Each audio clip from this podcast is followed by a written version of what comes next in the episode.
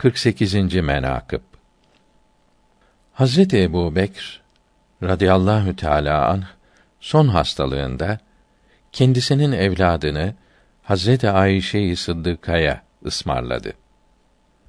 İki oğlan, iki kız vasiyet eyledi.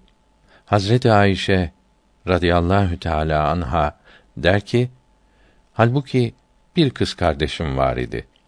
Diğer kız kardeşim hangisidir dedim. Hanımım hamiledir. Öyle zannederim ki doğurduğu kız olsa gerektir. Sonra doğum oldu. Kız evladı oldu.